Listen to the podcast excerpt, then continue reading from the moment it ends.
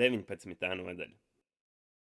Ieva lēnām tuvojās Artūram, kurš sēdēja pie virtuves galda. Ar karotu lēnām maisīja zupu un iegrims domās lūkojās laukā pa logu. Viņa nepamanīta apstājās drošā attālumā un vēroja vīrieti, kuru dievināja, bet vairs nespēja būt kopā ar viņu. Vairāk par visu Ieva šobrīd vēlējās pieiet klāt savam draugam, nebēdīgi izbiedēt viņu un gardi pasmieties par mīļotā izbīli. Tad iesaisties viņam klēpī, draiski noskūpstīt un pavadīt kopā brīnišķīgu vakaru. Vēlāk kopā pamosties un pēc tam kopā nedarīt neko visu dienu. Diemžēl reālā dzīve bija citādāka. Pēc vakariņām visticamāk Artūrs atcerēsies kādus nepadarītus darbus vai neizlasītus jaunākos pētījumus un steigsies uz nesen iekārtoto darbistabu. No rīta jau pamodīsies viena, un kā viens tā otrs pavadīs dienu čakli strādājot. Jaunajai kopīgajai mājvietai bija jākalpo par vietu, kur jaunajam pārim justies kā ģimenei un tādējādi kopā pavadīt vairāk laika, bet tā vietā mājā kļuva par ērtu vietu, kur Artūram biežāk atdoties darbam. Kā tev garšo zupa? Ieva iztrūcināja Artūru no pārdomām un piegāja pie kastroļa, lai ielietu silto gardo viru arī sev. Nē, vēl pagaršojis. Vēlējos vispirms sagaidīt tevi. Artūrs draudzīgi atbildēja. Tad ievēroja draudzenes skumjo seju. Vai kaut kas ir atgadījies? Nē, Ieva meloja. tiešām viss ir kārtībā. Kā pagāja tava diena? Viņa izmanīgi laipoja prom no sevis apspriešanas. Kā parasti. Un tev? Artūrs uzāķējās uz izmestā āķa. Tāpat. Draudzene atbildēja, bet tad atcerējās notikumu, kura stāstīšana ļautu izgaisināt nērto gaisotni telpā. Patiesībā bija gan viens stāstīšanas vērts atgadījums. Šodien Sandra nosauca Sibilu par kaulaino kājstarpu bez mugurkaula. Viņa gan izrunājās krietni rupjāk, bet es nevēlos precīzi citēt viņas izteicienu pie vakariņu galda. Turklāt, kā viņa to pateica, gan arī man no bailēm bija bikses pilns. Nabaga Sibila. Kāpēc viņa tā teica? Artūrs ar interesi vaicāja. Nu, Sandra ir skarba pēc dabas. Reizēm pat neitrāli paziņojumi no viņas mutes skan kā pārmetums. No vienas puses viņa ir forša, jo nemēdz liekuļot un visu saka cilvēkiem acīs. No otras puses, viņai nav ne mazākās takta izjūtas un tolerances. Ieva centās paskaidrot. Viņa bija padzirdējusi no vēl nenoskaidrota avota, ka Sibila aiz muguras esot noniecinājusi viņas darbu. Tāpēc visu kolēģu priekšā kā fūrija aiztraucās pie nabaga Sibilas un sāka viņu skaļi apvainot. Ja tas būtu jebkurš cits kolēģis, viņš iespējams spētu izskaidrot šo pārpratumu. Taču Sibila pēc dabas ir klusa un kautrīga. Tu taču viņu atceries. Atceroties amizantos notikumus no darba, Ievas balsī atgriezās dzīves priecīgais tonis, un skumjas sirdī nedaudz norima. Sibilla! Artūrs izmisīgi centās atsaukt atmiņā kādu notikumu, kad būtu saticies ar Ievas kolēģiem. Vai tā bija... Viņš centās izkļūt no situācijas, kurā nezināja atbildi. Vai, piedod! Ievas balss atgriezās skumja sarkasma tonalitātē. Tu toreiz netiki uz Ziemassvētku bāli, kurā es daudz laika pavadīju kopā ar kluso kolēģi. Ieva atcerējās senos notikumus, un neticami pēkšņi izgaisa tikko radusies mazā dzīves prieka kripatiņa. Atmiņas par milzīgo darba pasākumu, kurā Artūrs bija zvērējis ierasties, bet ārkārtas situācijas slimnīcā kārtējo reizi bija viņu aizkavējis, saniknoja Ievu.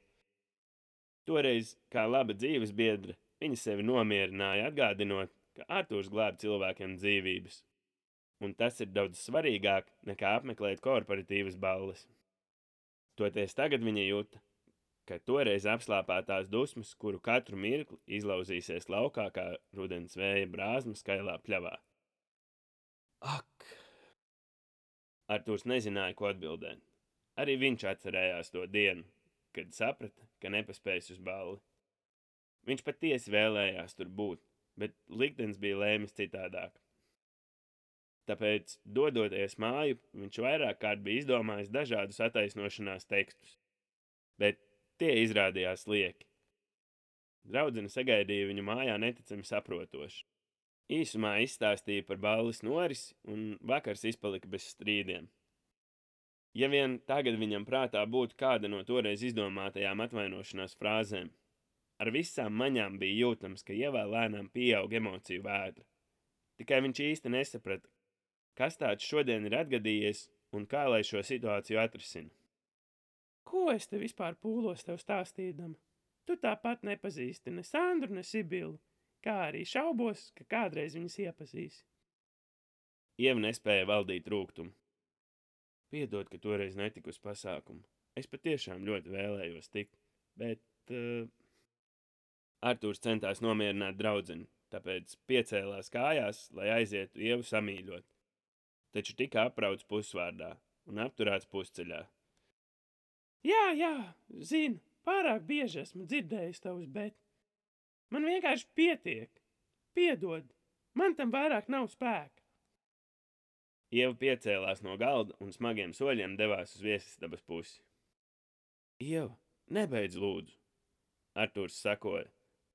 Izstāsti, kas ir atgadījies? Ieva apstājās pusceļā. Lēnām apgriezās uz papēža un atklāja drauga skatienam asaru pilnās acis. Viņā kūsāja emocijas. Plaušas svilināja gadiem apslāpētās dusmas. Vienlaikus uz krūtīm gulēja milzīgs skumju akmens. Pašpārmetumi par savu nespēju samierināties ar tādu dzīvi, kā viņai ir, grauza ieva no iekšienes, kā izbedējies grauzējs augstā ziemā. Viss kopā radīja neapturamu vajadzību verbāli izgāzt piecos gados sakrātās samazgas pār savu mīļoto. Likt šajā brīdī viņam sajust kaut kripatiņu to moku, ko viņa bija sevī glabājusi, cenšoties uzturēt attiecības dzīves kamēr viņš centās uzturēt dzīvus svešus cilvēkus. Pirms ieva paspēja ko teikt, viņa zināja, ka ir netaisna. Tomēr tik un tā nespēja vairs klusēt. Es, es ienīstu šo dzīvi, ienīstu, ienīstu māju, kurā dzīvojam, ienīstu savu darbu, ienīstu katru vientulības brīdi. Es, es šo vairs nespēju izturēt. Caur asarām acīs viņa bļāva skaļāk nekā būtu gribējusi. Elsām vairāk kārt laupot vārdiem skanējumu. Mīļā! Sašutuma pilnā izteiksmē Artūrs uzrunāja ievu un virzījās viņai tuvāk. Netuvojies man! Viņa pārliecinoši nobļāvās, un Artūrs sastinga kā ledū.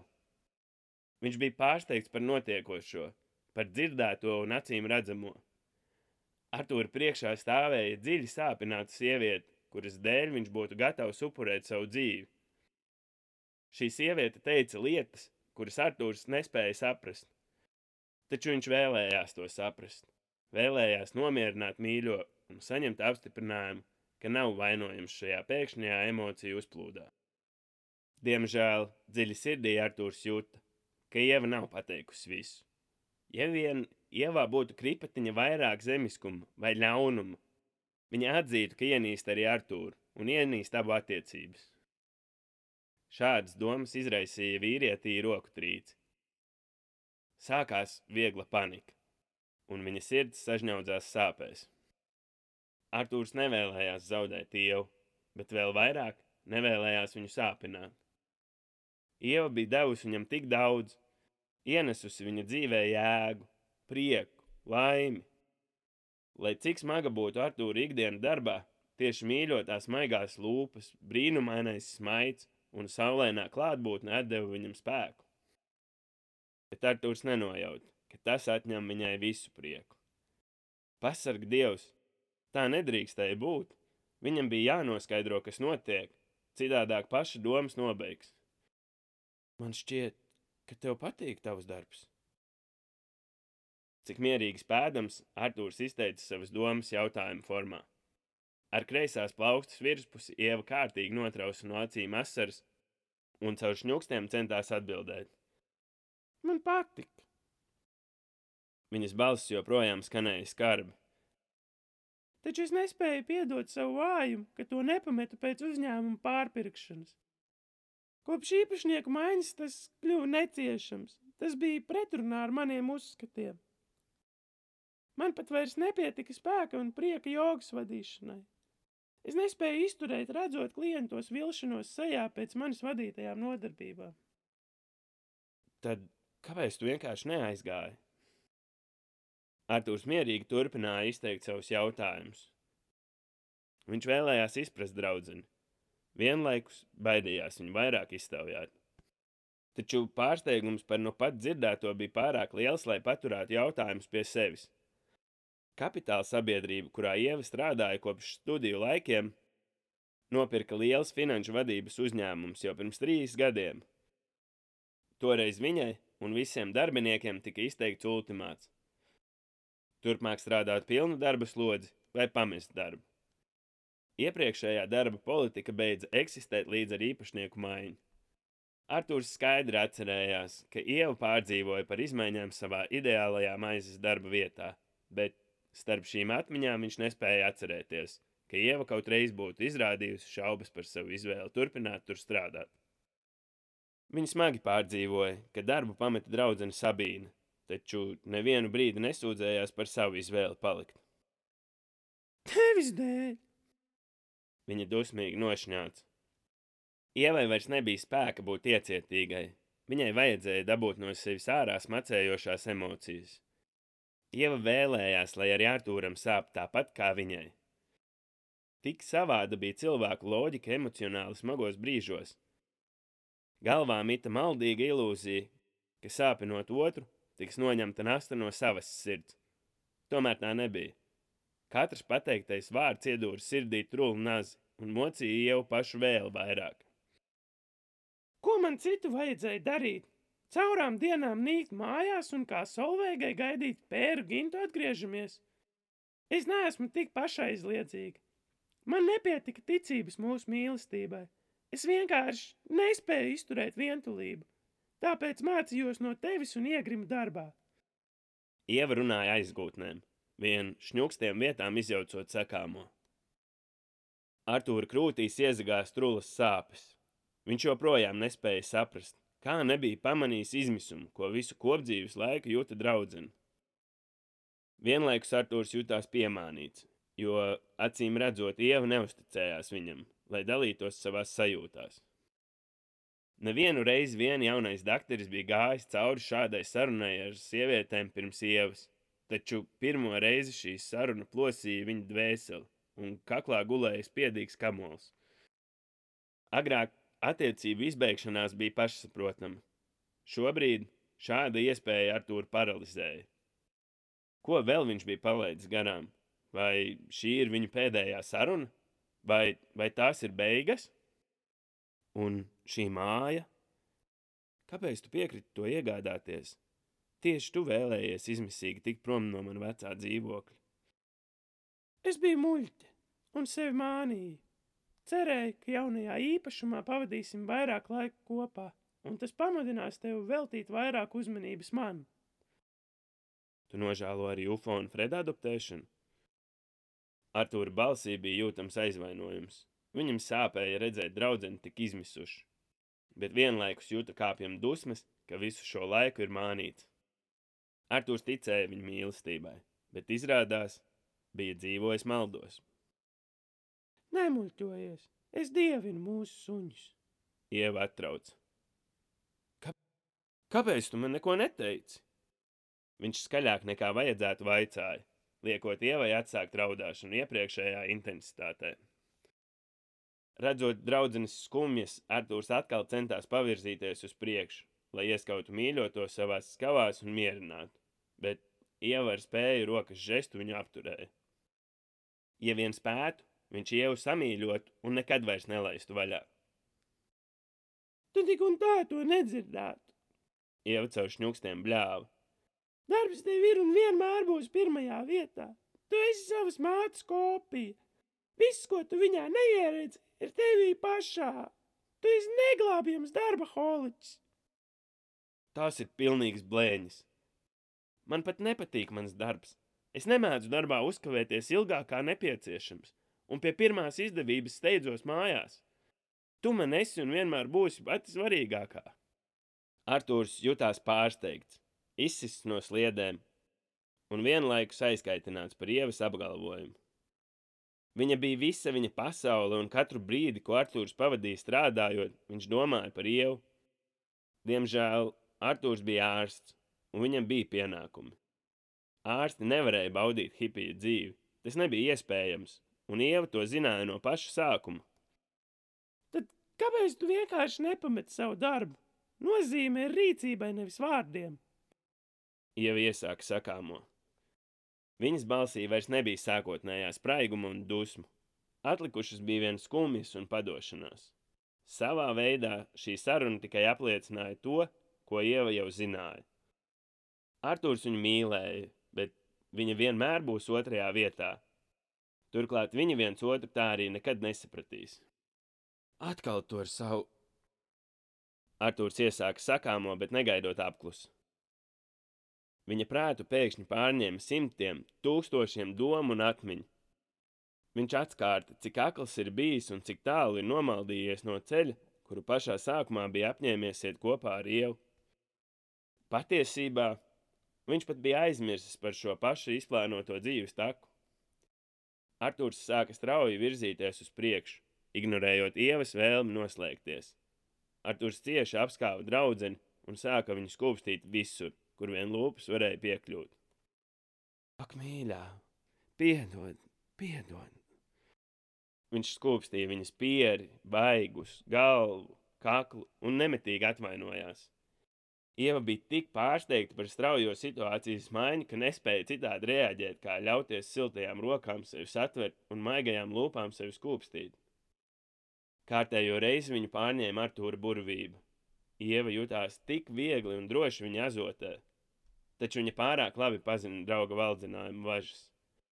Ieva vairs nevēlējās tapt saslēgta. Vairs nevēlējās izjust sāpes, kas sekos pēc īsā skaistā mirkļa. Tāpēc viņa sakopoja visus spēkus un centās atbrīvoties no drauga rokām. Piedod! Artūrs atbrīvoja Ievu, bet neļāva viņai atkāpties turot draudzenēs pleciem. Viņš cieši ieskatījās Ievai acīs tad mierīgi un pārliecinoši teica: Es tikai tagad to visu sapratu. Es vēl nezinu risinājumu, bet es zinu, ka viss mainīsies. Es mainīšos, un arī tev ir jāmainās. Arthurs runāja lēni, gluži kā uzrunājot mazu nobijušos bērnu. Par ko tu runā? Ieva bija apstulbusi. Artūra teiktajā nebija jēgas. Tu iepriekš nepabeidzi savu sakāmo. Ko? Ko es atkal ar savu? Tieši tā. Es nespēju pabeigt šo teikumu, jo šo gadu laikā biju laupījis, un tu biji ļāvis man nolaupīt tavu utopisko dzīves skatījumu. Tas bija tas, ko vēlējos teikt. Atkal to ar savu utopisko pasaules skatījumu. Taču sapratu, ka kopš attiecību sākuma vairs nemaz neesmu dzirdējis tavas dzīves vārsmas, kuras tolaik lika man justies kā muļķim. Tu tagad runā kā muļķis. Piedod, bet es nesaprotu. Ieva bija apmulsusi. Atceries, pēc mūsu pirmās kopīgās naktis aizbēgu. Ieva apstiprinoši pamāja ar galvu. Toreiz es nobijos no tevis. Pēc mūsu pirmās tikšanās es biju pārņemts ar tevi. Kā parazīts tu biji ieperinājusies manā galvā. Jauks apzīmējums. Ieva greizi paskatījās uz Artūru un sakrustoja uz krūtīm rokas. Nu, tā tu man liki justies. Viņš mīļi pasmaidīja. Katrā ziņā tu biji jauks parazīts, bet manā dzīvē galīgi neiederīgs. Es biju pārguris un pārņemts ar darbu. Man bija tik daudz jāizdara, tik daudz jāpierāda, bet mani spēki sāka izsīkt. Vakaros es bieži lietoju dažādus medikamentus, lai spētu labāk gulēt, bet no rītiem, lai spētu labāk strādāt. Man citādāk vairs nebija spēka. Tad manā dzīvē ienāca tu. Cilvēks bez ambīcijām, kurš mācīja dzīvi tvert viegli, kurš redzēja dzīvē daudz lielāku jēgu nekā es, kurš turklāt bija apmierināts ar dzīvi tādu, kāda tā ir. Artūrs aizrautīgi stāstīja tikko apjākto. Pēc mūsu randiņa babuļas bērēs es plosījos duālās sajūtās. Tu mani vilināji, bet vienlaikus liki justies kā idiotam. Tavā klātbūtnē mana dzīve šķita absurda, mani uzskati tīzli, vērtības debīlas un dzīves izvēles merkantīlas. Tas man nobaidīja. Pirmajā brīdī es izvēlējos vieglāko ceļu, mūkt no tevis un saglabāt savu dzīvi tās toreizējā veidolā. Taču laika ejot atkārt, ka tu spētu mani padarīt labāku. Ja kāds vispār spētu mani pārliecināt dzīvot citādāk, tā būtu tu. Tāpēc nolēmu ļauties mūsu attiecībām, ļauties tavai burvībai, jo sapratu, ka jau toreiz tevi mīlēju tik stipri, lai spētu mainīties. Tiesa, šo visu es toreiz neapzinājos tik skaidri kā tagad. Šīs sajūtas manī bija drīzāk tādā kā zemapziņas līmenī. Lai vai kā, es tevi uzmeklēju, un man paveicās, ka tu ielaidi mani atpakaļ savā dzīvē, neliekot man paskaidrot manus muļķības iemeslus. Goda vārds! Toreiz es pats tos īsti neizpratu. Šķiet, ka tikai tagad sāku to visu aptvert. Ieva neticībā savilka pieri grumbās un pārdomāja dzirdēto. Tad kādēļ tu nemainījies? Viņa vaicāja. Es nezinu. Artūrs atzinās. Pēc raivo kāzām mēs sākām dzīvot kopā. Es atsāku iet uz darbu, dzīvi ieguvu ierasto ritējumu, tikai mainījies bija tas, ka es pēkšņi jūtos enerģijas un laimes pilns. Man vairs nevajadzēja medikamentus, lai spētu izturēt slodzi. Man pietika ar apziņu, ka man esi tu. Turklāt tu biji tik saprotoša, nekad neizrādīji raizes. Es pārstāju uzskatīt, ka manā dzīvē kaut kas nav kārtībā. Kad jutos iztukšots, smēlos laimi un spēku no tevis, un tu dāsni man to dāvāji. Līdz pat šim strīdam es nenojautu, ko tas ir maksājis tev, un nenojautu, ka tā vietā, lai tu mainītu mani, es biju mainījis tevi un padarījis tik līdzīgu sev.